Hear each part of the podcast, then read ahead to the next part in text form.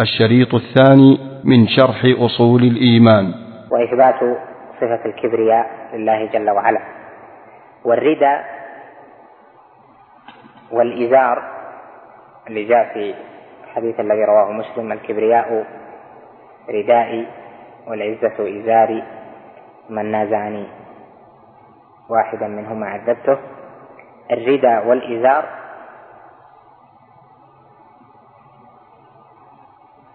ما يكون ملابسا للموصوف ملابسا للموصوف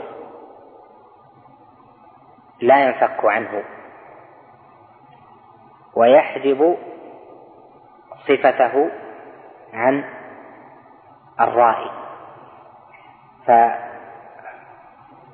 فالإزار بالنسبة للإنسان يحجب الصفة. يعني بعض الصفات اللي فيه صفة رجليه وفي الآخرة صفة ساقه وصفة حقويه إلى آخر ذلك. وسوءته. والرداء أيضا يحجب بعض الصفات. فلا يتصور من مجيء الرداء والإزار لوازم ذلك من أن الإزار لا يكون إلا على حقوين وعلى جنب وأن الرداء كذلك لا يكون إلا على منكبين. كما التزمه طائفة من غلاة الحنابلة فأثبتوا عدد من الصفات بمثل هذه اللوازم. هذا باطل حتى من جهة اللغة. فالإزار والرداء هذان اسمان لما يحجب رؤية الرائي إلى صفات المرء. لهذا هنا قال إذا كشف عنهم إيش؟ الرداء رأوه. تعيد لفظة وما بين القوم وبين أن ينظروا إلى ربهم إلا رداء الكبرياء على وجه جنة آه قال وما بين القوم وبين أن ينظروا إلى وجه ربهم إلا رداء الكبرياء. فدل على أن الكبرياء هي الرداء. فالذي حجب رؤية الرائين إلى صفة الرب جل وعلا إلى وجهه الكريم هو الرداء. وكذلك العزة. حجبت أن يرى صفة الرب جل وعلا. المقصود من ذلك أن هذا معنى قوله الرداء هنا كذلك الرداء والإزار في غيرها. وهذا آه، موطن تحتاجه تحتاجه لأن كثيرا من الشراح لم يحسن هذا المقام. نعم. لا لا ما في مهم مجاز لا. نعم. كيف؟ لا لا لا في الجنة. لا المقصود في الجنة لأنهم لا يرون ربهم في الجنة دائما. يعني إنما يرونه آه، بعض بعض الوقت ما يرونه دائما. يرون ربهم جل وعلا بكرة وعشية سبحانه وتعالى. أيام الأعياد أعياد الجنة إلى آخر ذلك. نعم. باب قول الله قول الله تعالى حتى إذا فزع عن قلوبهم قالوا ماذا قال ربكم؟ قالوا الحق وهو العلي الكبير. عن ابن عباس رضي الله عنه قال حدثني رجل من أصحاب النبي صلى الله عليه وسلم من الأنصار أنهم بينما هم جلوس ليلة مع رسول الله صلى الله عليه وسلم إذ رمي بنجم فاستنار فقال ما كنتم تقولون إذ إذا رمي بمثل هذا؟ قالوا كنا نقول ولد الليلة عظيم أو مات عظيم. فقال إنها لم ترم لموت أحد ولا لحياته. ولكن ربنا عز وجل إذا قضى أمرا سبحت حملة العرش حتى يسبح أهل السماء الذين يلونهم حتى يبلغ التسبيح أهل السماء الدنيا. فيقول الذين يلون حملة العرش ماذا قال ربكم؟ فيخبرونهم ماذا قال. فيستخبر أهل السماوات بعضهم بعضا حتى يبلغ الخبر أهل السماء الدنيا. فيبلغ حتى يبلغ الخبر أهل السماء الدنيا. فتخطف الجن السمع فيلقونه إلى أوليائهم. فما جاءوا به على وجهه فهو الحق. نعم. ولكنهم يقرفون يقرفون ويزيدون. رواه مسلم والترمذي والنسائي. نعم. وعن النواس بن بن سمعان رضي الله عنه قال قال رسول الله صلى الله عليه وسلم إذا أراد الله أن يوحي بالأمر تكلم بالوحي. أخذت السماوات منه رجفة أو قال رعدة شديدة خوفا من الله عز وجل. فإذا سمع ذلك أهل السماوات صعقوا أو قال خروا لله سجدا. فيكون أول من يرفع رأسه جبرائيل عليه السلام. فيكلمه الله من وحيه بما أراد. ثم يمر جبرائيل على الملائكة كلما مر بسماء سأله ملائكتها ماذا قال ربنا يا جبرائيل؟ فيقول قال الحق وهو العلي الكبير. فيقولون كلهم مثل ما قال جبرائيل فينتهي جبريل بالوحي إلى حيث أمره الله عز وجل. رواه ابن جرير وابن خزيمة والطبراني وابن أبي حاتم واللفظ له. هذان الحديثان في باب واحد وهما دالان على إثبات عدد من صفات الرب جل وعلا ومن نعته الحسن سبحانه وتعالى. فمنها صفة العلو لله جل وعلا ومنها صفة الكلام له جل وعلا.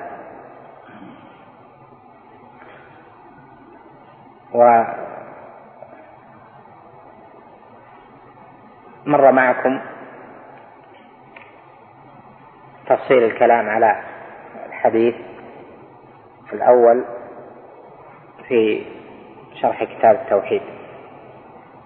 والمقصود من إيراده من الشيخ رحمه الله أن ذلك من الإيمان. إيمان بالله بعلوه بصفاته بكلامه جل وعلا. كذلك فيه الإيمان بالملائكة وهذا كله من أصول الإيمان. بقي الكلام على مسألة فيه وهي من المسائل المهمة وهي أن صفة كلام الرب جل وعلا في ظاهر الحديث الذي سمعتم قال فيها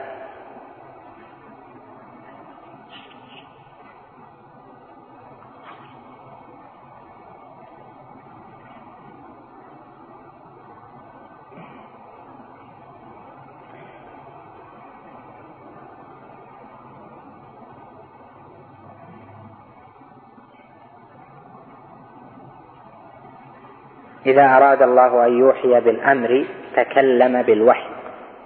أخذت السماوات أخذت السماوات منه رجفة أو قال رعدة شديدة خوفا من الله عز وجل.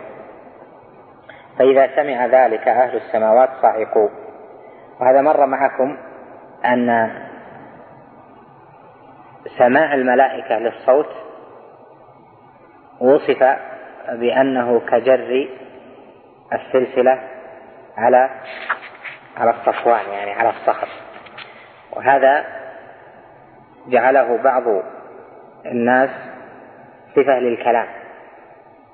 وظاهر الحديث كما هو دال عليه الحديث هذا أيضا أنه وصف للسماع لا وصف للكلام. فكلام الله جل وعلا ثابت في الصفة كما هو معلوم. ولكن صفة كلامه جل وعلا لم يثبت فيها شيء من جهة التفصيل إلا ما جاء في الصحيح أنه جل وعلا يوم القيامة يسمعه من بعد كما يسمعه من قرب فينفذهم كلامه سبحانه وتعالى. وهذا الحديث هنا حديث النواس قال فيه إذا أراد الله أن يوحي بالأمر تكلم بالوحي أخذت السماوات منه رجفة وقال رعدة شديدة فإذا سمع ذلك أهل السماوات صعقوا يعني أن السماوات تأخذها الرعدة أو الخوف من كلام الله جل وعلا. مقصدي من ذلك أن أن صفة الكلام غلا فيها طائفة من المنتسبين للإمام أحمد ولغيره من أهل السنة جعلوا صفة كلام الله جل وعلا بما في هذه الأحاديث التي فيها تكلم الله جل وعلا بالوحي وأن صفة كلامه كجر السلسلة أو أن كلامه آه، يكون على يعني ما جاء في روايات أخرى لا تحضرني الآن مثل ما ذكرها أبو يعلى في إبطال التأويلات وغيره آه، وهذا ينبغي أن يترك وأن لا يقال به وإنما يؤخذ بما دل عليه النص الذي لا يحتمل التأويل لأن صفة الكلام اللي واردة هذه في الأحاديث إنما هي كما ذكرنا محتملة لأن تكون صفة للسماع يعني لما سمع. لهذا جاء هنا أخذت السماوات منه رجفة أو قال رعدة شديدة. السماوات إذا رادت سيسمع. إذا سمع أهل السماوات ذلك صعقوا في فيسمعها جبريل. فيقول ماذا قال ربكم؟ قال الحق. يعني أن هذا محتمل أن يكون بعد إرادة الكلام. أو أنه وصف لما سمع من حال السماوات أو ما سمع من ذلك. أما وصف كلام الله جل وعلا فهذا لا يقال فيه بشيء إلا ما ثبت ما ذكرت لكم الحديث أنه يسمعه من قرب كما يسمعه من بعد. على كل حال هذه كلمة تحتاج إلى مزيد تحرير وتفصيل. آه، ربما نذكرها لكم مرة أخرى إن شاء الله. نعم. تقرأ في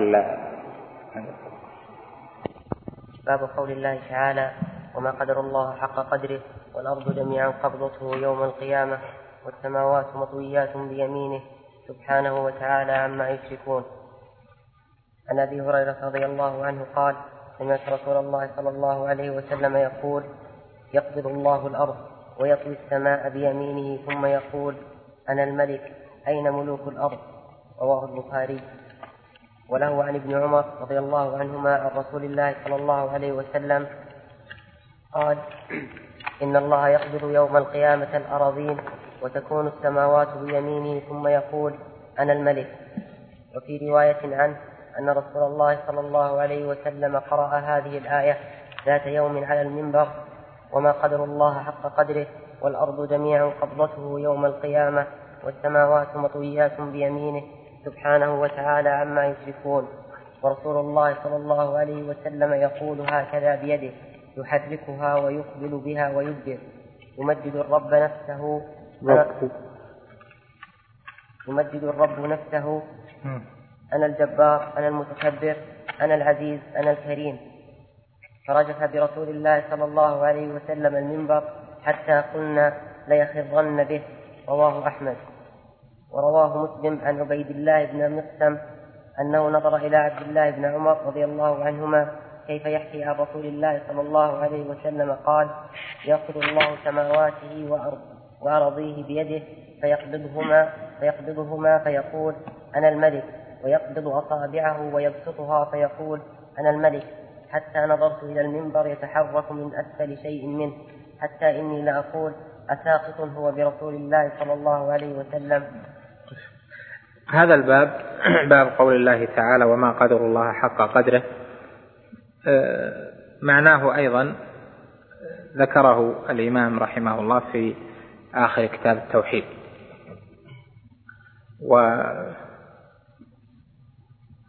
ومناسبة هذا الباب لكتاب أصول الإيمان أن الإيمان بالله الذي هو أعظم أركان الإيمان كما هو معلوم أركان الإيمان ستة إيمان بالله وملائكته وكتبه ورسله وباليوم الآخر وبالقدر خيره وشره من الله تعالى. الإيمان بالله يشمل ثلاثة أنواع. الإيمان بالله ربا والإيمان بالله إلها والإيمان بأسماء الله جل وعلا وصفاته وأفعاله. يعني أن الإيمان بالله يشمل أنواع التوحيد الثلاثة. فلا يكون المرء مؤمنا بالله حق الإيمان حتى يوحد الله في الإلهية وفي الربوبية وفي الأسماء والصفات.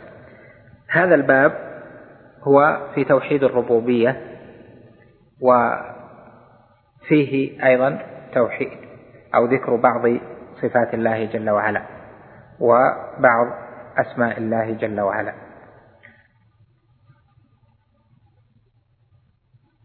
قوله جل وعلا وما قدر الله حق قدره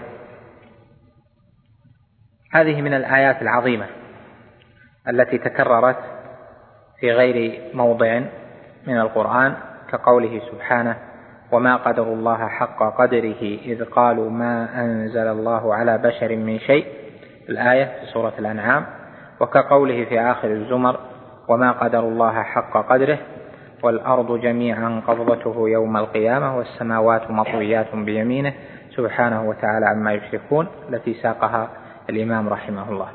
قوله جل وعلا وما قدر الله حق قدره يعني أنه ما من أحد سيبلغ قدر الله جل وعلا حق قدره. لا بد أن يكون ثم نقص عما هو حق لله جل وعلا في في عظمته. لأن ذلك مبني يعني بلوغ الحق في القدر مبني على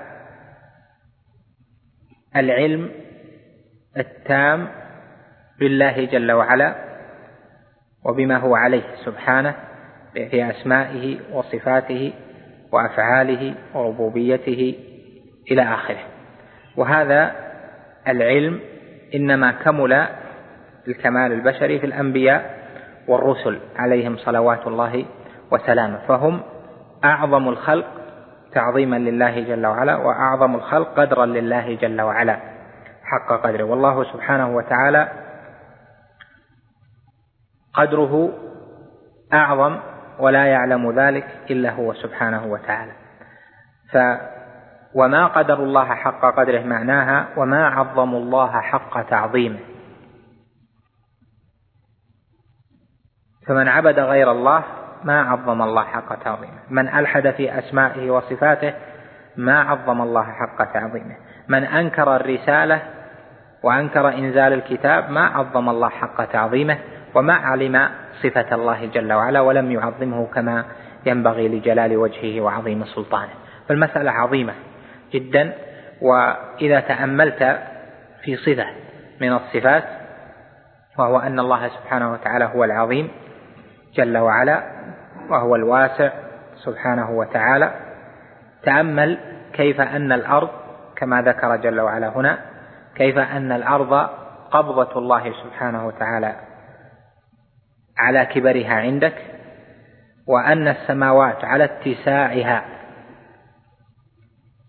وكبرها وعظمها وتباعد ما بينها أنها مطويات بيمين الرحمن جل وعلا وأن السماوات وأن السماوات السبع بعضها فوق بعض إلى أن تكون السماوات على عظمها وكبرها أن تكون تحت الكرسي وأنها بالنسبة إلى الكرسي كدراهم سبعة ألقيت في ترس وأن الكرسي هو موضع قدمي الرب جل وعلا وأن فوقه العرش وفوق العرش رب العالمين سبحانه وأن الكرسي الذي السماوات كسبعة دراهم فيه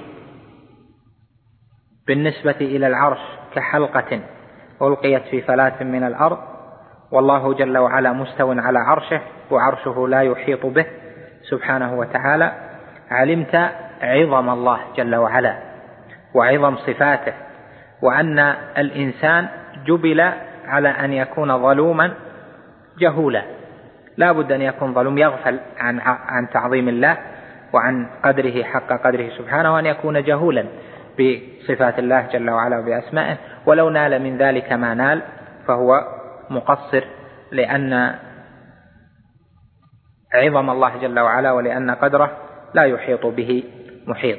وهذا معنى كون الله جل وعلا محيط وكونه سبحانه واسع وكونه سبحانه العظيم كونه سبحانه الجليل ونحو ذلك من أسماء العظمة والجلال.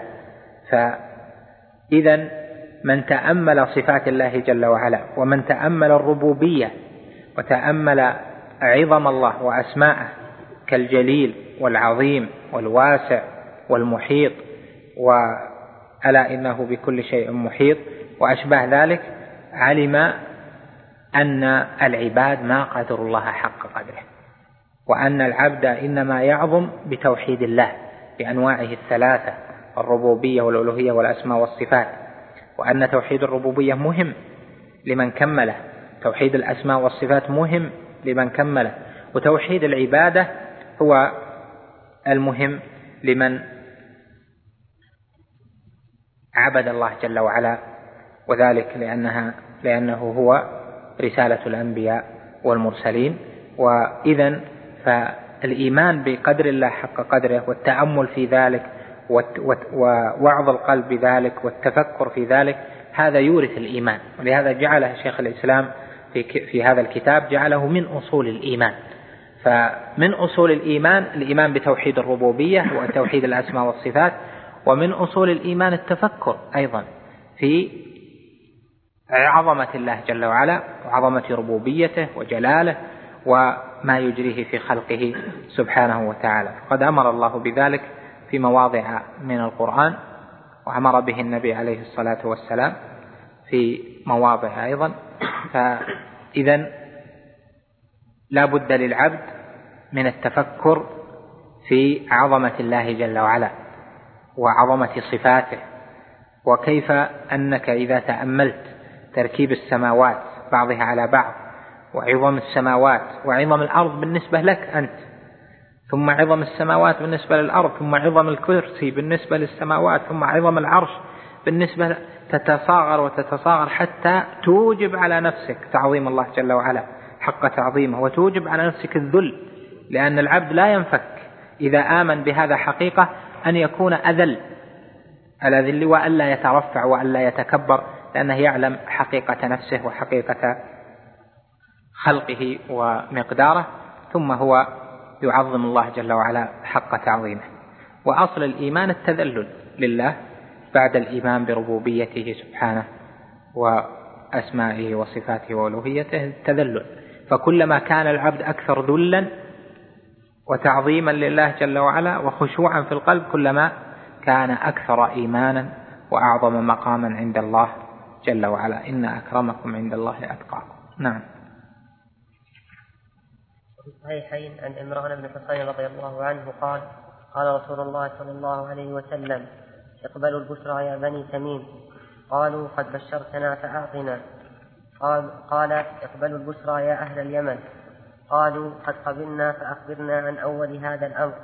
قال كان الله قبل كل شيء وكان عرشه على الماء وكتب في اللوح المحفوظ ذكر كل شيء.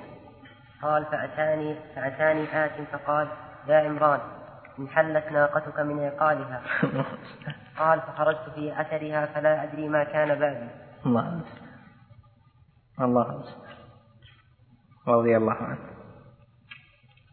وعن جبير بن محمد بن جبير بن مطعم عن أبيه عن جده قال هذا الحديث فيه من الفوائد ما فيه دلالة على الإيمان والتوحيد لكن في قوله آه، انحلت ناقتي ذهبت آه، فيه على أن فيه دليل أو شاهد على أن صاحب المقام العالي والفضل هذا أحد الصحابة قد يكون عنده في بعض الأحوال إيثار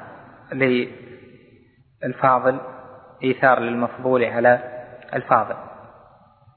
والناقة لن تذهب لكن سيتعب في البحث عنها. وهي ترجع أو يمكن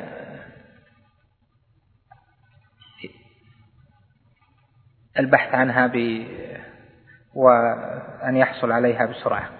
لكن ربما ناله شيء من التعب فالحرص على ذلك جعله يترك هذا الأمر العظيم الذي قال فيه النبي عليه الصلاة والسلام اقبلوا البشرى.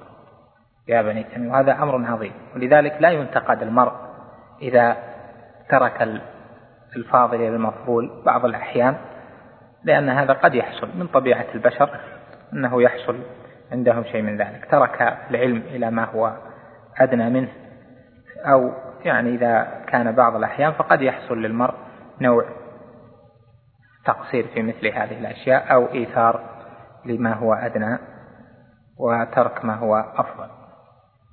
نعم.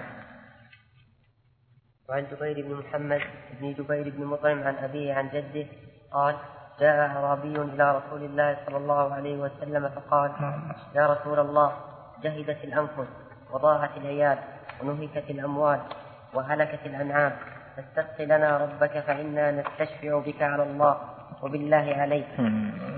فقال رسول الله صلى الله عليه وسلم ويحك أتدري ما تقول؟ وسبح رسول الله فما زال يسبح حتى عرف ذلك في وجوه أصحابه. ثم قال ويحك إنه لا يستشفع بالله على أحد من خلقه. شأن الله أعظم من ذلك. ويحك أتدري ما الله؟ إن عرشه على سماواته لهكذا. وقال بأصابعه مثل القبة مثل القبة عليه. وإنه ليئص به أطيط الرحل بالراكب. رواه أحمد وأبو داود. هذا الحديث إسناده فيه ضعف قد تكلم عليه عدد من أهل العلم لكن ما زال علماء السنة يتتابعون على إراده فما خلا مصنف في السنة من إيراد هذا الحديث وذلك لدلالته على أمرين معروفين في كلام أهل السنة. الأول علو الله جل وعلا. وهذا أمر متواتر وأدلته كثيرة في الكتاب والسنة. والثاني أن العرش فوق السماوات. وهذا أيضا ثابت عندهم وأن العرش ليس في داخل السماوات وهذا فيه رد على من زعم من الفلاسفة أو المعتزلة وغيرهم أن العرش له صفة أخرى. وفيه أيضا تنبيه على أن العرش له أركان لأنه قال هو على سماواته هكذا وأشار بيده مثل القبة وفيه رد على بعض الطوائف الضالة في هذا الباب. المقصود أن الحديث أهل السنة متفقون بلا خلاف بينهم على إيراده في الأدلة. وضعف إسناده لا يعني عدم إيراده في ذلك لأن لأنه اشتمل على أمرين وهما علو الله جل وعلا وعلى أن العرش فوق السماوات. والأمر الثالث الذي اشتمل عليه الحديث آه، هو أن العرش يئر. وهذا لم يأتي إلا في هذا الحديث وقد أيد من حيث المعنى بقوله جل وعلا تكاد السماوات يتفطرن من فوقهن. يتفطرن من فوقهن. ويدل عليه أيضا قوله جل وعلا في سورة المزمل السماء منفطر به كان وعده مفعولا. فلهذا يورد أهل السنة باتفاق هذا الحديث ولا ينظرون إلى ما في إسناده من الضعف أو الجهالة نعم.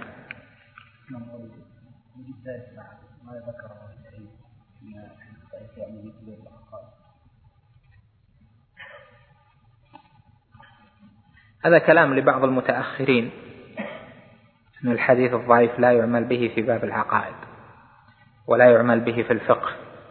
هذا كلام للمتأخرين. أما السلف والآئمة فمنهجهم أن الحديث الضعيف لا يستدل به في أصل من الأصول بل إما في تأييده أو في فرع من الفروع. هذه عبارة شيخ الإسلام رحمه الله بنصها. قال أهل الحديث لا يستدلون بحديث ضعيف في أصل من الأصول بل إما في تأييده أو في فرع من الفروع. يعني أن أهل الحديث يستدلون بالحديث الضعيف في الفقهيات وهذا منهج معروف. فالأئمة مالك والشافعي وأحمد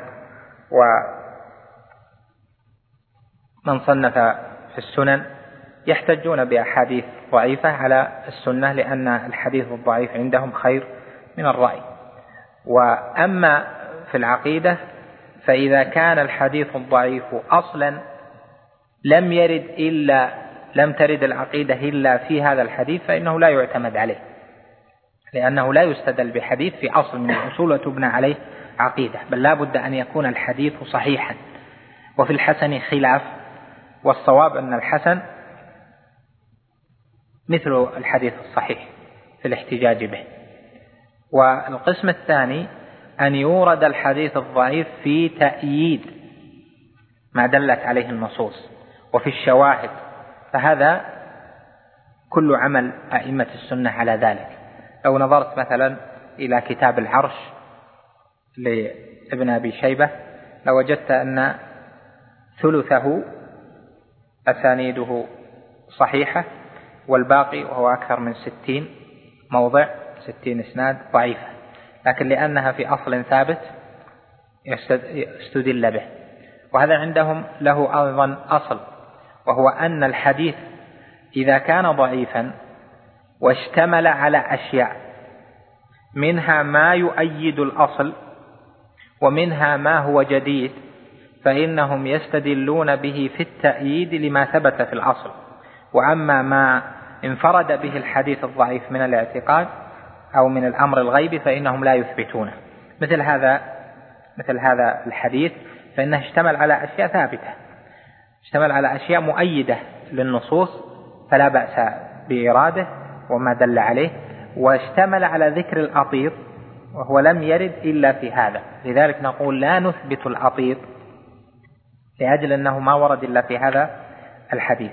ونجعل الأطيط في معنى قول الله جل وعلا السماء منفطر به ومعنى قول الله جل وعلا تكاد السماوات يتفطرن من فوقهن والملائكة يسبحون بحمد ربهم ويستغفرون لمن في الأرض. الآية في أول الشورى.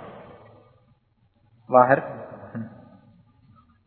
المتأخرون وخاصة آه، لما نشأت مدرسة أهل الحديث في الهند في القرن الثالث عشر بالغوا في نفي الاستدلال بالحديث الضعيف.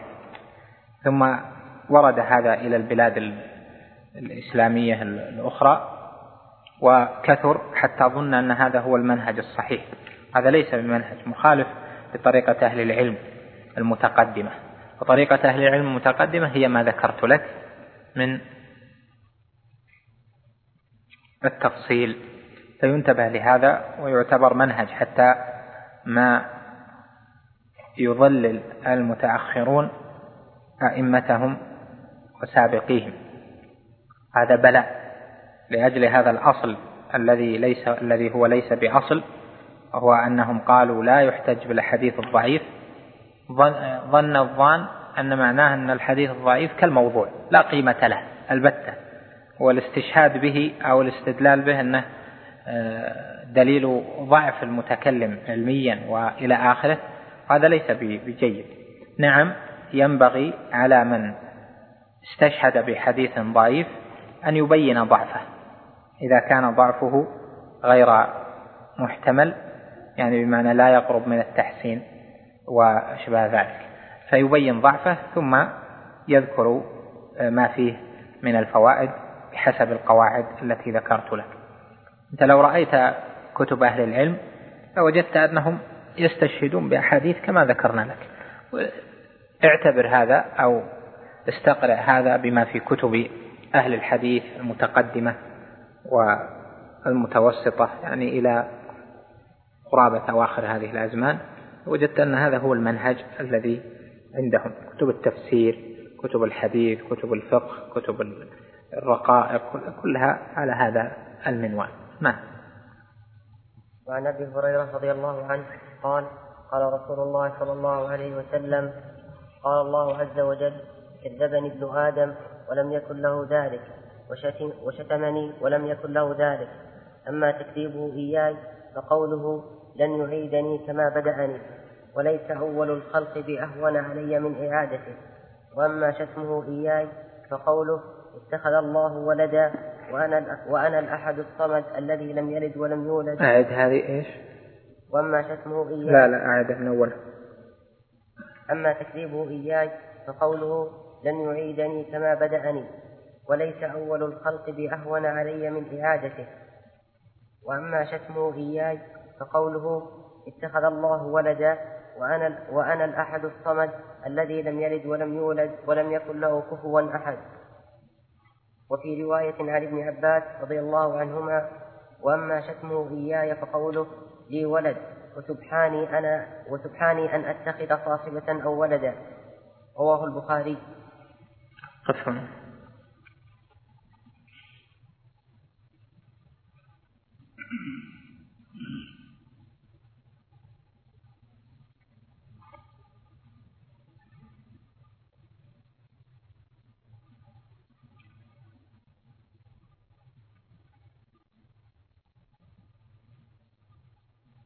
طيب نقف عند هذا الحديث. نعيده إن شاء الله المرة القادمة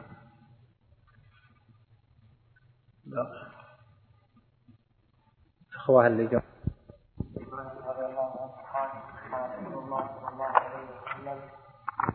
عز وجل كذبني ابن آدم ولم يكن له ذلك وشتمني ولم يكن شتم. وشتمني ولم يكن له ذلك. أما تكذيبه إياي فقوله لن يعيدني كما بدأني. وليس أول الخلق بأهون علي من إعادته وأما شتمه إياي فقوله اتخذ الله ولدا وأنا وأنا الأحد الصمد الذي لم يلد ولم يولد ولم يكن له كفوا أحد. وفي رواية وفي رواية عن ابن عباس رضي الله عنهما وأما شتمه إياي فقوله لي ولد وسبحاني أن أتخذ صاحبة أو ولدا. رواه البخاري. ولهما عن أبي هريرة رضي الله عنه قال لا قسم قوله عليه الصلاة والسلام قال الله عز وجل كذبني ابن آدم ولم يكن له ذلك وشتمني ولم يكن له ذلك إلى آخره. هذا هذان الحديثان فيها عظم صبر الله جل وعلا على خطايا عباده وعلى ما ينسبونه إليه جل وعلا. ومن أسماء الله جل وعلا الصبور وهو أنه عظيم الصبر على ما يكون من فعل عباده ومن من مجاهرتهم في حق الله جل وعلا بالشرك وبغيره. تكذيب تكذيب الله جل وعلا فيما أخبر أو فيما جاء به رسله عليهم الصلاة والسلام. لا شك أن هذا من أعظم عدم قدر الله جل وعلا حق قدره. وذكر مثال ذلك بقوله أما تكذيبه إياي فقوله لن يعيدني كما بدأني وليس أول الخلق بأهون علي من إعادته. وهذا تمثيل. مثال يعني مثال مما فيه تكذيب الرب جل وعلا. وإلا فأنواع التكذيب كثيرة. وأما شتمه إياي فقوله اتخذ الله ولدا وادعاء الصاحبة مع الله جل وعلا أو لله جل وعلا وادعاء الولد لله سبحانه وتعالى هذا شتم.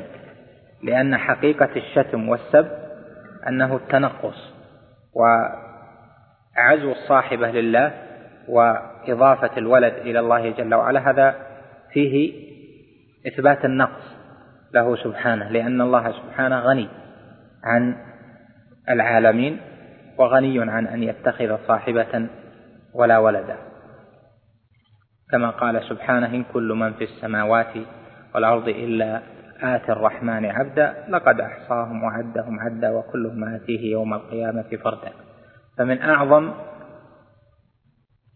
السب أن ينسب أو أن يجعل لله جل وعلا الصاحبة أو يجعل له الولد أو أن يجعل معه شريك أن يجعل له شريك سبحانه وتعالى في الربوبية أو في الألوهية لأن اتخاذ الشريك مع الله جل وعلا سب لله سبحانه. فكل من أشرك بالله جل وعلا إلها آخر عبد الأصنام أو عبد الأوثان أو عبد الأولياء أو عبد الصالحين أو ادعى مع الله جل وعلا إلها آخر على أصناف الآلهة فهذا قد سب الله جل وعلا أعظم مسبة. ولهذا يجد المؤمن في قلبه البغض للمشرك لأن المشرك سب الله سبحانه وتعالى ولأن المشرك شتم الله جل وعلا. ولو شتم أحد من الناس. لو شتم فلانا لأبغضه ولو سبه لأبغضه. فكيف بمن يسب؟ الرب جل وعلا. ولو أخذ فلان يسب أبا الرجل ويسب آباءه وأجداده أو يسب نفسه ونحو ذلك ويشتمها ويتنقصها بأنواع النقائص فصار مبغضا إليه. ولربما قامت أشياء عظيمة بين الساب والمسبوب والشاتم والمشتوم. وذلك لما جرت عليه النفوس من الاعتداد بحقها. فكيف بسب الله جل وعلا؟ لهذا المشرك يبغض ولو كانت حاله في الدنيا ما هي أو كانت حسناته الدنيوية في أي شأن يبغض لما اشتمل عليه صدره واشتملت عليه روحه من مسبة الله جل وعلا ومن بغضائه. والله سبحانه وتعالى صبور يسمع أذى العباد ويرى شتمهم ويسمع شتمهم ويرى سبهم ويسمع سبهم. والله سبحانه وتعالى صابر عليهم كما قال ومن كفر فأمتعه قليلا ثم أضطره إلى عذاب النار. وبئس المصير. لهذا البغض بغض المشرك قائم على بغض من سب الله جل وعلا وشتمه.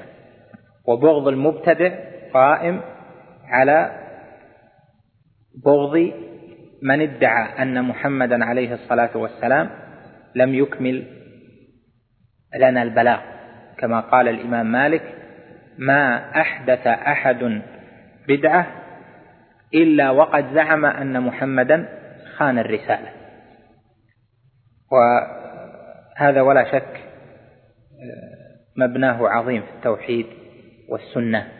فإذا المسألة مسألة بغض المشرك بغض أهل البدع وكراهة أولئك ليست مسألة أهوى هي مسألة أنهم عادوا الله جل وعلا وعادوا رسوله صلى الله عليه وسلم وإن ادعوا أنهم يحبونه.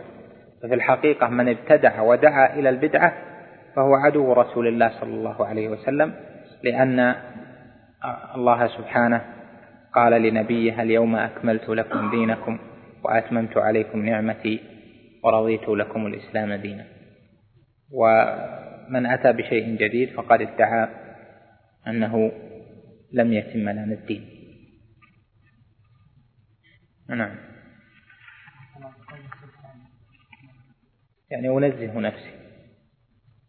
التسبيح سبحان يعني مصدر سبح يسبح سبحانا وتسبيحا يعني تنزيها لي عن جميع النقائص لأن السب تعرض بالنقائص. فقولك سبحان الله يعني تنزيها لله جل وعلا عن جميع صفات النقص. قول الله جل وعلا سبحاني يعني تنزيها لنفسي عن كل أنواع النقص. كما قال سبحانه وتعالى عما يقولون علوا كثيرا علوا كبيرا. نعم. الصبور من أسماء الله. ولهما عن أبي هريرة رضي الله عنه قال قال رسول الله صلى الله عليه وسلم قال الله تعالى يؤذيني ابن آدم يسب الدهر وأنا الدهر. بيدي, بيدي, بيدي الأمر أقلب الليل والنهار. بالوسيلة لأنه إن سب الدهر فسب الدهر راجع إلى سب مقلب الدهر. وقوله سبحانه يؤذيني ابن آدم يسب الدهر وأنا الدهر يعني سب من لا يملك شيئا من هو مدبر فيرجع السب إلى من دبره. فإذا سب الدهر فقد سب الله جل وعلا يعني شتم الدهر وصف الدهر بالنقائص قال هذه الأيام آه، إنما هي خبط عشواء. مثلا قال هذه آه، السنون إنما هي تأتي وتذهب آه، دون حكمة مثلا أو يقول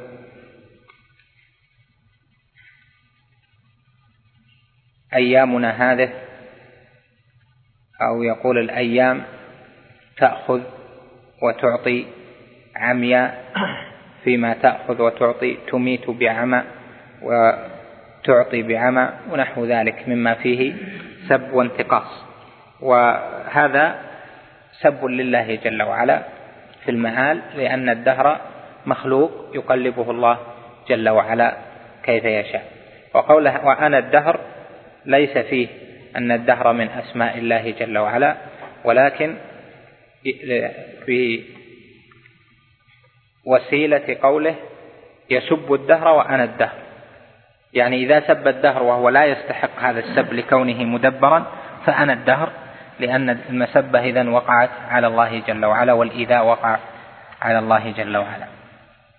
أه، وينبغي أن يعلم أن وصف الأيام بالسوء أو بالنحس أو بالسواد أو بالظلمة ونحو ذلك مما فيه إضافة للعبد أن هذا ليس من سب الدهر.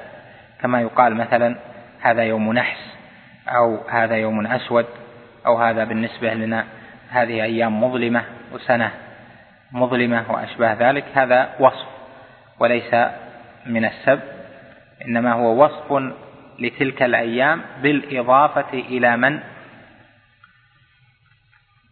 حصل له فيها أشياء سيئة. وهذا كما قال جل وعلا في يوم نحس مستمر وكما قال جل وعلا في آية فصلت في أيام نحسات لنذيقهم عذاب الخزي الآية. ووصف الأيام بالنحس والسوء والإظلام أو يوم أسود أو نحو ذلك بعناية أو بقصد أنه بالنسبة للقائل هو كذلك يعني حصل له فيه سوء فهذا لا بأس به لأن الشر ليس إلى الله جل وعلا وإنما هو قد يضاف إلى العبد فيكون يوم نحس بالنسبة للعبد يوم سوء بالنسبة للعبد وهكذا.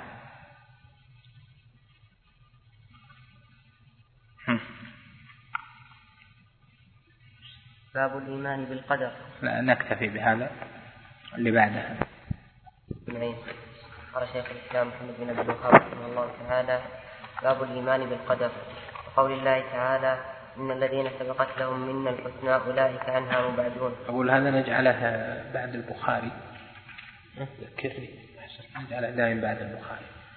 نعم. قول الله تعالى وكان أمر الله قدرا مقدورا.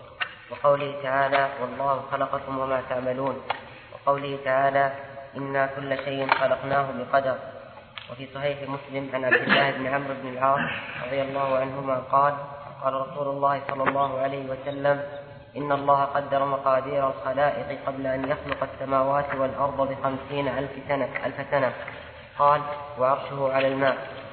هذا الباب من كتاب أصول الإيمان فيه ذكر الإيمان بالقدر. والإيمان بالقدر ركن من أركان الإيمان التي دل عليها حديث جبريل المعروف حين سأل النبي عليه الصلاة والسلام عن الإيمان قال أن تؤمن بالله وملائكته وكتبه ورسله واليوم الآخر وأن تؤمن بالقدر خيره وشره. فالإيمان بالقدر واجب وفرض وركن من أركان الإيمان لا يصح إيمان أحد حتى يؤمن بالقدر. وأدلة ذلك كثيرة في القرآن. قال جل وعلا وكان أمر الله قدرا مقدورا وقال سبحانه إنا كل شيء خلقناه بقدر وقال جل وعلا وخلق كل شيء فقدره تقديرا وقال أيضا والله خلقكم وما تعملون وقال سبحانه إن الذين سبقت لهم منا الحسنى أولئك عنها مبعدون وقال أيضا ألم تعلم أن الله يعلم ما في السماء والأرض؟ إن ذلك في كتاب إن ذلك على الله يسير. وقال أيضا وما تشاءون إلا أن يشاء الله رب العالمين. هذه الأدلة تدل على أن الأشياء بقدر والإيمان بالقدر معناه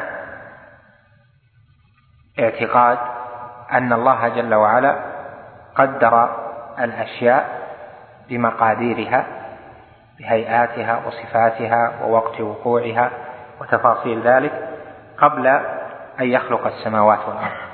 وأنه سبحانه يخلقها إذا شاء وأنه هو الخالق وحده وأن ما شاء كان وما لم يشاء لم يكن. وهذه الجملة يمكن أن تفصل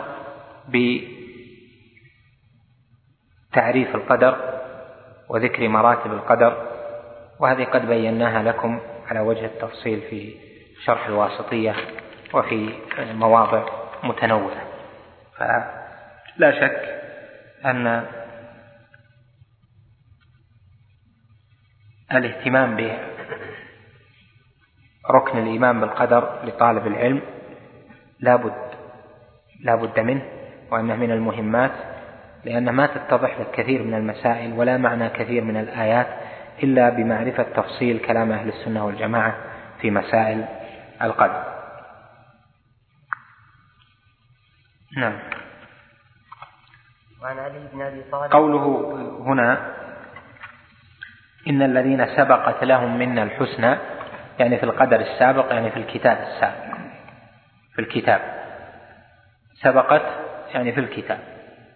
قال وقوله تعالى وكان أمر الله قدرا مقدورا يعني أمر الله الذي يقع ويأمر به ليحدث في ملكوته ويخلق ما يشاء بقوله كن فيكون كان قدرا مقدورا ليس أنفا ولا مبتدأ من غير تقدير سابق. بل الله سبحانه علم ما سيكون وما اختار أن يكون وما أراد أن يكون وكتب ذلك في اللوح المحفوظ. قال وقوله تعالى والله خلقكم وما تعملون. ما في هذه الآية؟ لها تفسيران. الأول أن تكون ما اسم موصول بمعنى الذي ومعنى الآية حينئذ والله خلقكم والذي تعملونه. الوجه الثاني أن تكون ما مصدرية. تقدير الكلام والله خلقكم وعملكم. وهذا وجه الاستشهاد يعني عمل العامل عمل المكلف خلق الله جل وعلا. فكما أن الله خلق المكلف قد خلق عمله. والله خلقكم وما تعملون يعني وعملكم. قال وقوله تعالى إنا كل شيء خلقناه بقدر. وقوله هنا كل شيء يعني من من المخلوقات. كل شيء خلقه الله جل وعلا جعل له قدرا.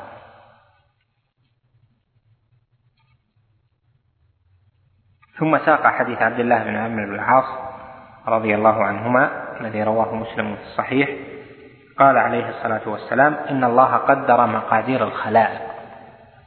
قبل أن يخلق السماوات والأرض بخمسين ألف سنة قال وعرشه على الماء. هذا الحديث دل على أن التقدير سبق خلق السماوات والأرض وأن هذا التقدير بمعنى الكتابة قدر مقادير الخلائق يعني كتب مقادير الخلائق. لأن المرتبة السابقة للقدر هي مرتبة العلم والكتابة. هذه المرتبة السابقة. والعلم علم الله جل وعلا بالأشياء. أول أزلي لا يقدر بقبل خلق السماوات والأرض بخمسين ألف سنة. وإنما الذي كان قبل خلق السماوات والأرض بخمسين ألف سنة. هذا هو الكتابة أما العلم فسابق. لذلك نقول إن مراتب الإيمان بالقدر أربعة. مرتبتان سابقة قديمة. ومرتبتان واقعة أو حالية. فقراءة هذه الآن أو كلام هذا من جهة التقدير السابق القديم فإن الله علم وعلمه أزلي أول بمقام هذا وقراءة وكتب ذلك في اللوح المحفوظ قبل خلق السماوات والأرض بخمسين ألف سنة. لما جاء الإيقاع إيقاع المقدر وقضاء المقدر. في ذلك جاءت مرتبتان متعلقة بالواقع وهي مرتبة أن الله سبحانه خالق كل شيء ومنه هذا عملي هذا وكلامي وقراءتي ومكثي وجلوسي إلى آخره. هذا كله مخلوق. نفذ به القدر وصار من الإيمان به من الإيمان بالقدر لأنه لم ينفذ القدر إلا بذلك. فخلق الله جل وعلا بهذا العمل وهذه القراءة وهذا الشرح حالي حين وقعت. ثم إن الله سبحانه لم يقع ذلك الشيء لم يقع هذه القراءة إلى آخره إلا بمشيئته سبحانه لا بمشيئة العبد. فما شاء الله كان وما لم يشاء لم يكن. ومشيئتي مشيئة كل مكلف داخلة في مشيئة الله جل وعلا. فإذا شاء العبد فإنه لا يكون ما شاءه العبد إلا إذا أذن الله جل وعلا به. ولهذا فرق طائفة من أهل العلم بين القضاء والقدر. فقالوا القدر والقضاء يختلفان في المرتبة في المرتبتين الحاليتين.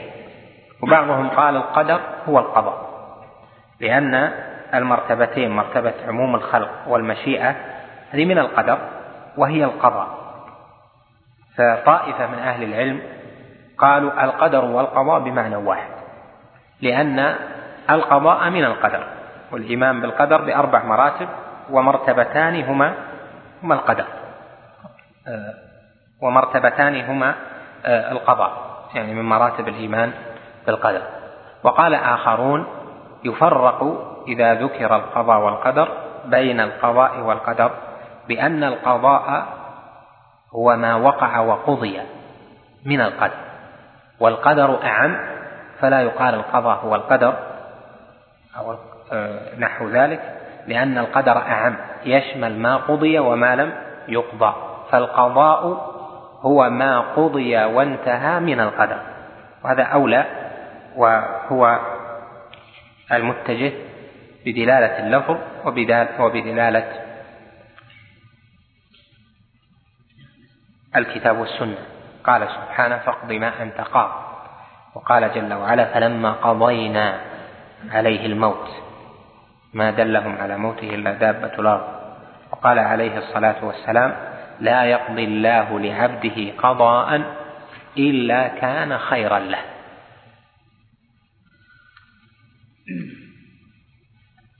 نعم. لا العلم ثم الكتابة. كتابة نعم. كتابة الله مقادير الأشياء أو قدر الأشياء في اللوح المحفوظ قبل خلق السماوات والأرض بخمسين ألف سنة. لا. لا المشيئة متعلقة. ما شاء الله كان. يعني حين يشاء الله جل وعلا ذلك آه، يكون. تعلقها بالله عز وجل ليس لا. يعني من حيث المقدور المعين يعني من حيث قراءة هذا مشيئة الله جل وعلا صفة ذاتية أن الله يشاء. لكن من حيث تعلقها بهذا الذي قدر بهذا المخلوق الآن اللي هو قراءتي هذا إيش؟ هذا مشيئة توجهت لذلك إرادة كونية توجهت لذلك. إنما قولنا لشيء إذا أردناه أن نقول له كن فيكون. واضح؟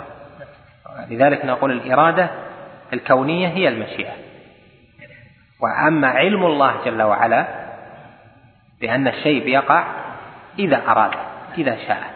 يقول ستقع هذه القراءة هذا علم الله جل وعلا يعلم أن هذه ستقع بمشيئته سبحانه في الوقت المحدد وفي الزمان المحدد وفي المكان المحدد. الله المستعان.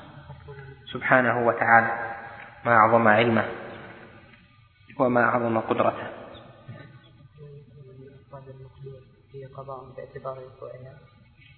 إذا وقعت. أفراد المقدور إذا وقعت هي قضاء. ما نقول باعتبار وقوعها. لأن باعتبار وقوعها ممكن أن تعتبرها قبل أن تقع. هي كلها واقعة. معناها أن نقول القضاء هو القدر.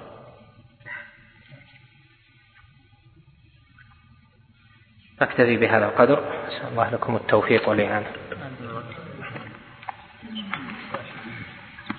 الشيخ كتاب التوحيد. نعم. وضع الإمام؟ اي نعم. مجدد. مجدد هو الذي كتبه. شيخ بالنسبة للصلاة يا شيخ صلاة الجماعة المسافرين إذا كان مجموعة تجب عليهم صلاة المساجد؟ لا. ليس من الأذان لا. من يطالب بالدليل دليل إيش؟ يقول يعني وش اللي يخرجهم عن النداء؟ من سمع النداء فلي- سمع النداء يعني من من من أهل الحضر. النبي عليه الصلاة والسلام. في مكة. في منى كل الناس يصلوا لحالهم إيه نعم. وكل الناس لأنهم مسافرين. في مكة ما كان يصلي في الحرم. ولا كانت جماعة واحدة. ما كانت جماعة. الحجاج أيضا. نعم لا الحجاج لا. كل الناس يصلون في مكان. يصير الناس في مخيم. إذا نزل صلى. اللي في منى يصلي كل الناس في مكانه النبي عليه الصلاة والسلام صلى بالناس في موقع مسجد الخيف هذا. وأتاه مرة رجلان بعد صلاة الفجر. نعم. فلم يصليا معه. فقال فقال لم لم تصليا ألستما رجلين مسلمين؟ يا رسول الله صلينا في رحالنا. فقال إذا صليتما في رحالكما ثم أدركتما الصلاة صلي. مع الناس تكن لكم نافلة. ما قال لا تصلون في الرحال صلوا فالمسافر تجب عليه الجماعة مثل وجوبها على الحاضر. يعني مع الاستطاعة إذا وجد جماعة نعم. وأما إجابة النداء فلا يجب في حرج ومشقة كبيرة. أو المسافر يمر ببلد يسمع النداء تلزمه أنه لا وما ما له عذر. مار مثلا ولا في بلد له حاجة بيجي يوم يومين يمشي. نعم. ما في دليل إلا العموم. عموم من سمع النداء. وحديث منى حديث صلاة النبي صلى الله عليه وسلم في عليه الصلاة والسلام. في مكة ما كان يصلي في الحرم في في المسجد يدل كانوا على يصلون يعني جماعات. نعم تفرق في الحج جماعات. جزاك الله خير. يا شيخ. الله وليك عليكم السلام. عليكم نبينا محمد وعلى آله وصحبه وسلم تسليما كثيرا إلى يوم الدين. قال المؤلف رحمه الله تعالى وعن علي بن أبي طالب رضي الله عنه قال قال رسول الله صلى الله عليه وسلم ما منكم من أحد إلا وقد كتب مقعده من النار ومقعده من الجنة قالوا يا رسول الله أفلا نتكل على كتابنا وندع العمل? قال اعملوا فكل ميسر لما خلق له. أما من كان من أهل السعادة فسييسر لعمل أهل السعادة. وأما من كان من أهل الشقاوة فسييسر لعمل أهل الشقاوة. ثم ثم قرأ فأما من أعطى واتقى وصدق, وصدق بالحسنى فسنيسره لليسرى. متفق عليه. هذا الحديث فيه دليل على مرتبة الكتابة من مراتب الإيمان بالقدر وأن الله جل وعلا كتب ما الخلق عاملون وأن كل شيء عنده مكتوب سبحانه وتعالى. وفيه دليل على أن ذاك الكتاب كاشف وليس مجبر وأن الله سبحانه هو الذي ييسر للعباد أعمالهم. بما فعلوا وبما عملوا. فمن سعى في الخير ويسر لأن يكون من أهل الجنة ومن عمل الشر خذل ويسر للعسرى والعياذ بالله. فعند أهل السنة والجماعة أن ذكر الكتاب السابق وذكر قبض الله جل وعلا قبضه إلى النار قبضه إلى الجنة ونحو ذلك. هذا كاشف لعلم الله جل وعلا الذي لا تغيب عنه غائبة لا في الحال ولا في الاستقبال. الله جل وعلا يعلم ما كان وما هو كائن وما يكون إلى قيام الساعة إلى ما بعد ذلك ويعلم شأن ما لم يكن لو كان كيف يكون سبحانه وتعالى. وهذا له نظائر كثيرة في القرآن مما يذكره الله جل جلاله عن نفسه في التفريق بين علمه الكاشف وكتابه الكاشف وما بين ما يجريه الله جل وعلا في خلقه خلقا وأمرا كونيا. كما في قوله مثلا وما جعلنا القبلة التي كنت عليها إلا لنعلم من يتبع الرسول ممن ينقلب على عقبيه. الله سبحانه وتعالى يعلم ذلك. يعلم من سيتبع ممن ينقلب على عقبيه. لكن قال ما جعلنا القبلة التي كنت عليها إلا لنعلم يعني إلا ليظهر علمنا. كذلك الكتاب كتب وفيه ما سيظهر فيه علم الله جل جلاله. فالملائكة تأخذ من الكتاب بوحي الله جل وعلا يكون في أيديها صحف تفصيل لما في اللوح المحفوظ من الكتاب السابق. فإذا هذا الحديث ليس فيه جبر ولا منحى لأهل الجبر سواء من الجبرية الغلاة أو من الجبرية المتوسطة الذين هم الأشاعرة والماتريدية وأشباه هؤلاء. فأهل السنة والجماعة ليسوا بأهل جبر في القدر بل يقولون باختيار العبد بما أعطاه الله جل وعلا من قدرة وإرادة. والله سبحانه خالق كل شيء وما شاء كان وما لم يشاء لم يكن. نعم.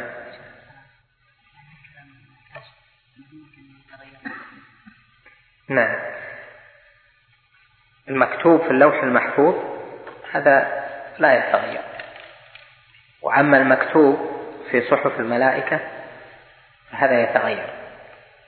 يعني أن الله جل وعلا يوحي للملائكة بما في اللوح المحفوظ من كذا وكذا والملائكة تفعل ذلك في ملكوت الله جل جلاله بما قدر. وقد يكون في اللوح المحفوظ معلق بأشياء. يعني مثل معلق بالدعاء إن دعا يحصل له كذا وكذا. باللوح المحفوظ. لكن في صحف الملائكة يكون أنه بيموت وفي اللوح المحفوظ يكون أنه إن دعا أو أنه سيدعو وسيصرف عنه. أو يكون معلقا إن دعا فسيكشف عنه أو يؤخر أجله وإن لم يدعو فإنه سيقع في أجله. فكل شيء مكتوب. فما في صحف الملائكة قابل للتغيير. ما في صحف الملائكة يعني من التقدير السنوي والتقدير اليومي هذا قابل للتغيير. أما ما في اللوح المحفوظ فهو ليس بقابل للتغيير. وهذا هو أحد معاني قول الله جل وعلا في آخر سورة الرعد يمحو الله ما يشاء ويثبت وعنده أم الكتاب. قال ابن عباس رضي الله عنهما يمحو الله ما يشاء ويثبت يعني بما في صحف مما في صحف الملائكة. وعنده أم الكتاب اللوح المحفوظ الذي فيه لا يتغير ولا يتبدل. وهذا هو معنى ما جاء في الأحاديث التي فيها تعليق تغيير. من سره أن يبسط له في رزقه وأن ينسأ له في أثره فليصل رحمه. الأجل والعمر محدود مكتوب. يعني في التقدير الذي لا يتغير اللي هو الأجل الأجل الأجل لا يتغير. وأما العمر ينسى له في أثره يعني يطال عمره. كما قال وما يعمر من معمر ولا ينقص من عمره إلا في كتاب. فيكون هذه أسباب. ما في صحف الملائكة يتغير. فعل العبد فالله جل وعلا يوحي إليهم أن ينسوا أجل أن ينسوا عمر عبدي أو أجل عبدي. نعم.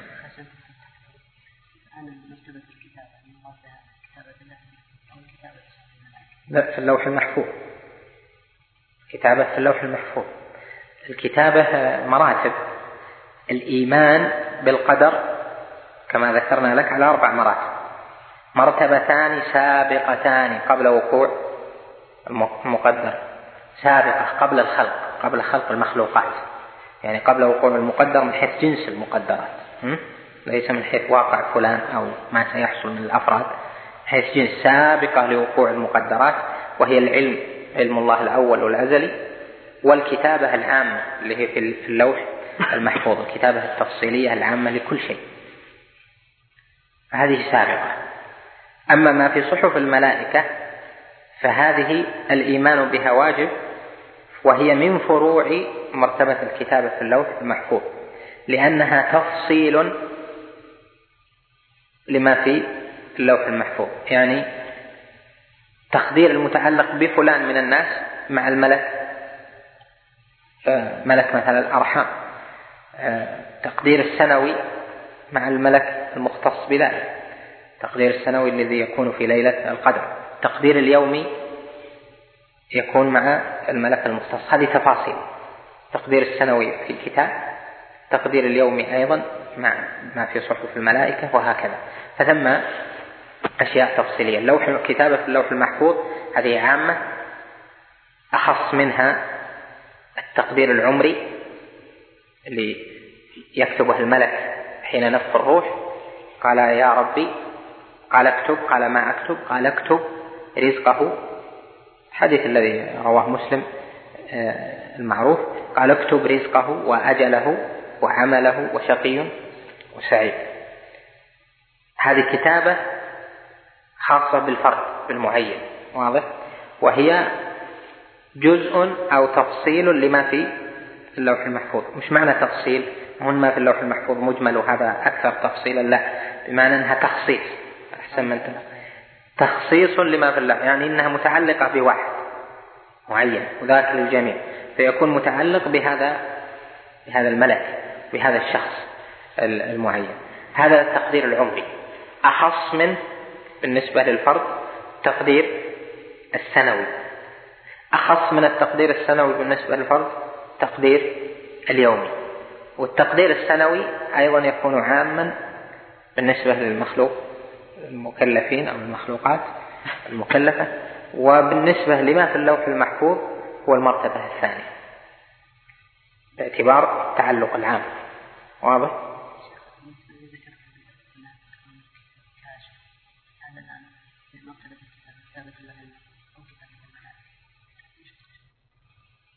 ما فيها إشكال. كلها كاشفة.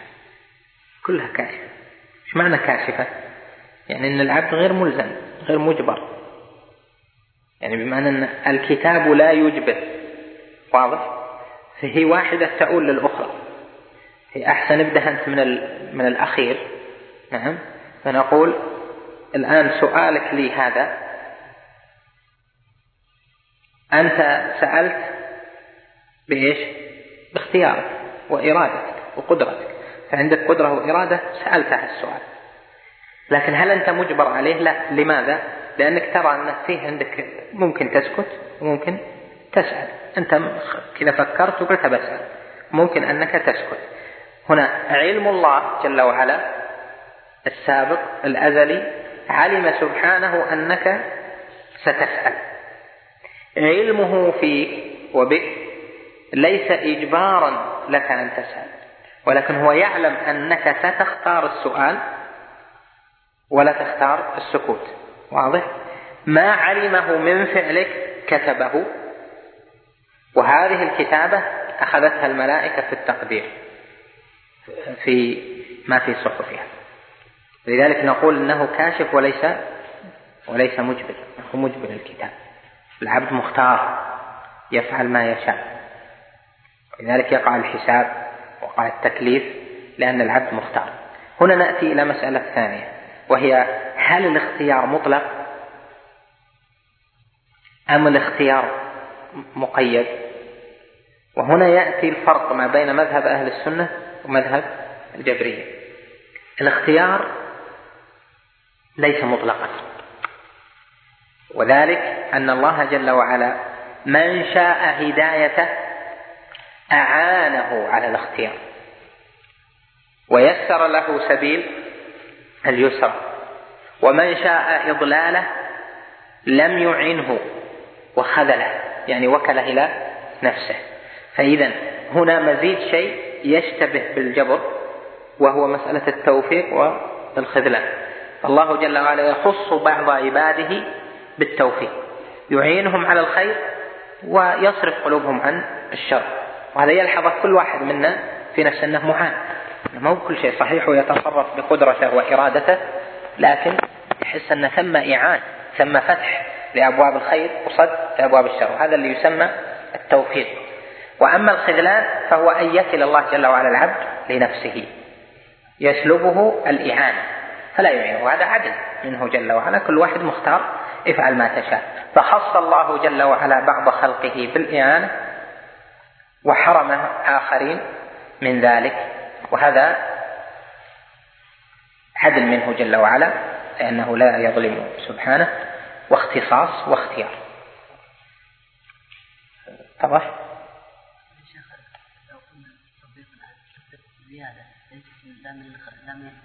التكفير نعم. هذه لا الخذلان يعني لا شيء يعني نعم. ما يدخل في التسيير آه،. لا يدخل في التسيير نعم. الإجبار نعم. كل هذا سلب. يعني مثل آه، يعني مع التمثيل يعني من حيث الإعانة لا من حيث القدر. تمثلها أنت آه، ب الآن مثلا سؤالك الآن.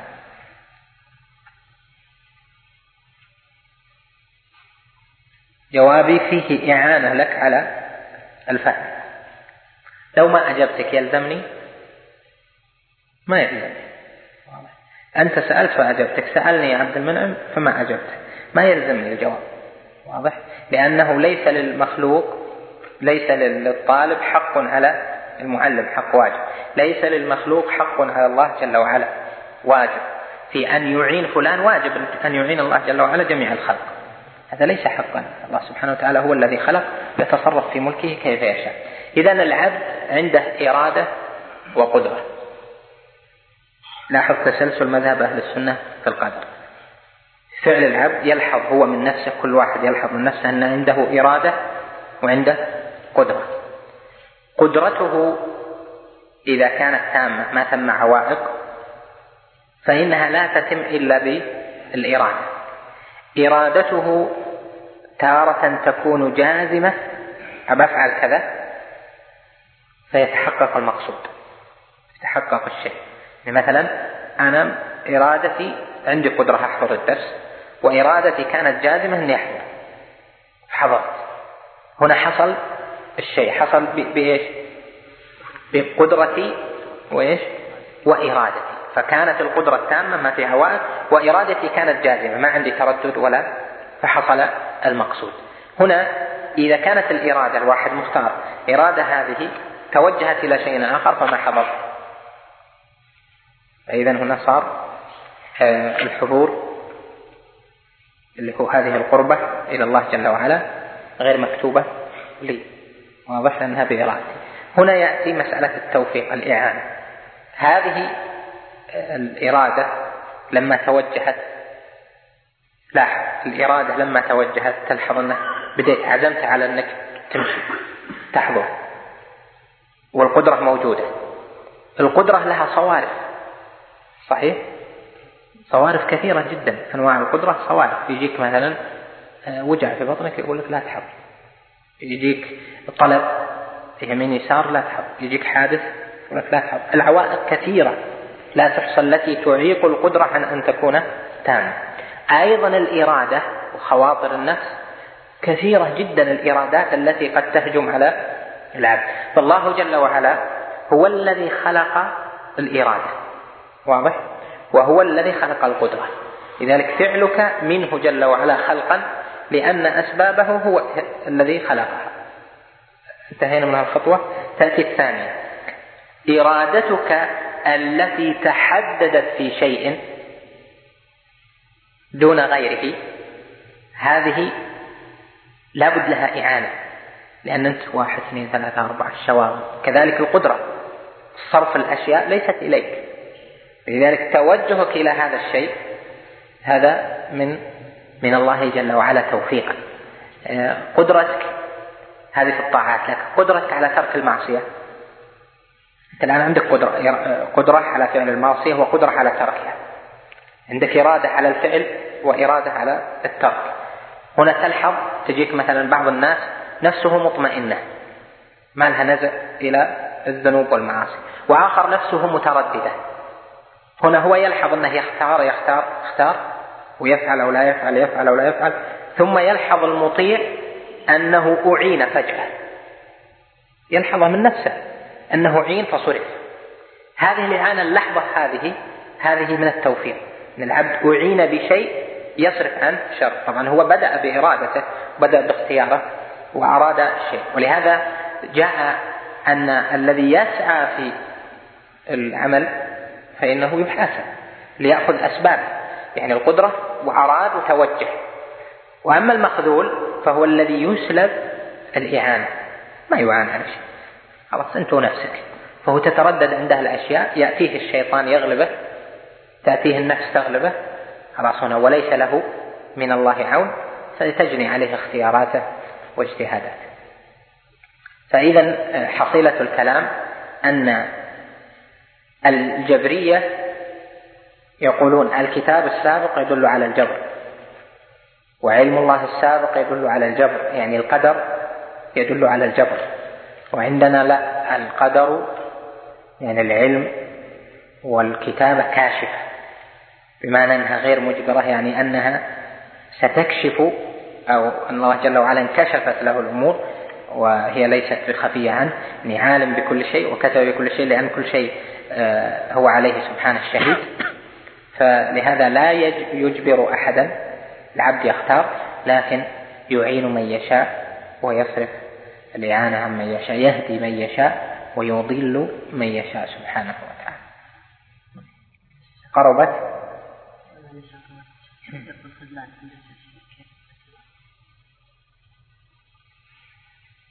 التوفيق هم الجبرية الغلاة فما يحضرني الجهمية. ما يحضرني تعريفهم وأما عند الأشاعرة اللي هم الجبرية المتوسطة اللي يقولون بالكسب التوفيق عندهم خلق القدرة على الطاعة. إيش؟ خلق القدرة على الطاعة. هذا تعريف التوفيق عندهم.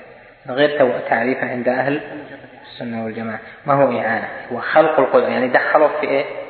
دخلوا في القدرة. قلت لك في إرادة وقدرة.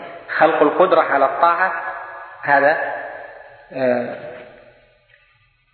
هو الجبر هو التوفيق عنده.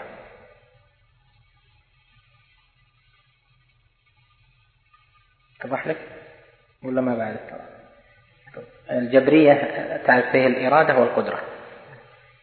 الإرادة ما له دخل التوفيق فيها. الإرادة هو يفعل ويفعل به ما يفعل. لكن التوفيق خلق القدرة على الطاعة لأنه محل. ومحل للطاعة. فخلق القدرة على الطاعة التوفيق.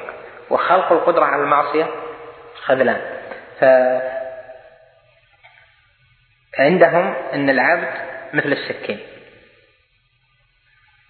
عندك العمل مثلا قطع خبز هم يمثلون كذا. السكين هي الآلة آلة القطع. والحامل للسكين هو الذي سيقطع. هم يقولون العبد كالآلة في قدرة الله جل وعلا. واضح؟ السكين لها قدرة على القطع لكن ليس لها إرادة. فهنا حينما خلقت القدرة على القطع أو يعني هنا لما حرك الماسك السكين اللي هي خلق القدرة على القطع لما حركها هنا بدأ القطع لكن في الواقع السكين؟ لا إرادة له. فإذا عندهم في الواقع العبد مثل السكين. ولهذا دائما يعبر الجبرية من المفسرين وغيره أنه يخلق عنده. دائما يستعملون لفظ العندية لا آه، يستعملون اللفظ به اللي هي السببية. فلهذا تنتبه هي مسألة القدر والمذاهب فيه خاصة تدقيقاته تحتاج إلى تأمل والحمد لله. يعني مذهب آه، أو النصوص في ذلك واضحة مؤتلفة بينة لا إشكال فيها. ومذهب أهل السنة والجماعة أيضا واضح وهو مذهب صافي واضح يعني وفهمهم للأدلة في القدر لا إشكال فيه تجدها متناسقة. متناسقة مع النصوص ومتناسقة أيضا مع العقل. فيما يدل عليه في المسألة مسألة القدر ظل فيها الأكثرون نسأل الله العافية والسلامة هذا لا البيان. هديناه يعني دللناه على طريق الخير وطريق الشر. الهداية قد تكون فطرية في بعض الأشياء وقد تكون آه، رسالية فيما فيه التكليف إلى آخر. نعم أكمل. عن مسلم بن يسار الجهني قال سئل عمر بن الخطاب رضي الله عنه عن هذه الآية وإذ أخذ ربك من بني آدم من ظهورهم ذريتهم. فقال عمر رضي الله عنه سمعت رسول الله صلى الله عليه وسلم سئل عنها فقال إن الله خلق آدم ثم مسح ظهره بيمينه فاستخرج منه ذرية فقال خلقت هؤلاء للجنة وبعمل أهل الجنة يعملون. ثم مسح ظهره فاستخرج منه ذرية فقال خلقت هؤلاء للنار وبعمل أهل النار يعملون. فقال رجل يا رسول الله ففيما العمل؟ فقال إن الله إذا خلق العبد للجنة استعمله بعمل أهل الجنة حتى يموت حتى يموت على عمل من أعمال أهل الجنة. فيدخل فيدخل فيدخل فيدخله به الجنة. وإذا وإذا خلق العبد للنار استعمله بعمل أهل النار حتى يموت على عمل من أعمال أهل النار. فيدخله فيدخله النار. رواه مالك والحاكم وقال على شرط مسلم. ورواه أبو داود من وجه آخر عن مسلم بن يسار عن نعيم عن نعيم بن ربيعة عن عمر. هذا الحديث من الأحاديث المشكلة والتي غلط فيها المحققون من أهل العلم الرواة في إدخالهم بعض. الأحاديث أو إدخالهم الاستخراج في الآية. والصحيح أن الاستخراج استخراج ذرية آدم هذا حق. وميثاق كما جاء في هذا الحديث وأنه استخرج من ذريته من من ظهر آدم ذريته وأنه أشهدهم جل وعلا وجعلهم فريقين إلى الجنة وإلى النار أنهم كانوا كأمثال الذر. إلى آخر ما جاء في الأحاديث الصحيحة فالميثاق حق والإيمان به واجب. لكن جعل هذا الميثاق تفسير لقول الله جل وعلا في سورة الأعراف. وإذا أخذ ربك من بني آدم من ظهورهم ذريتهم وأشهدهم على أنفسهم هذا فيه نظر عند المحققين من أهل العلم ويجعلون الأحاديث مثل هذا الحديث أنه دخل على الرواة جعلوا حديثا في حديث وأن مسألة أخذ الميثاق في آية الأعراف غير أخذ الميثاق من ذرية آدم من ظهره. والفرق في هذا يمكن أن نفصله إن شاء الله تعالى في شرح الطحاوية في الأسبوع القادم عند قول آه، عند قول الطحاوي رحمه الله والميثاق الذي أخذه الله جل وعلا حق.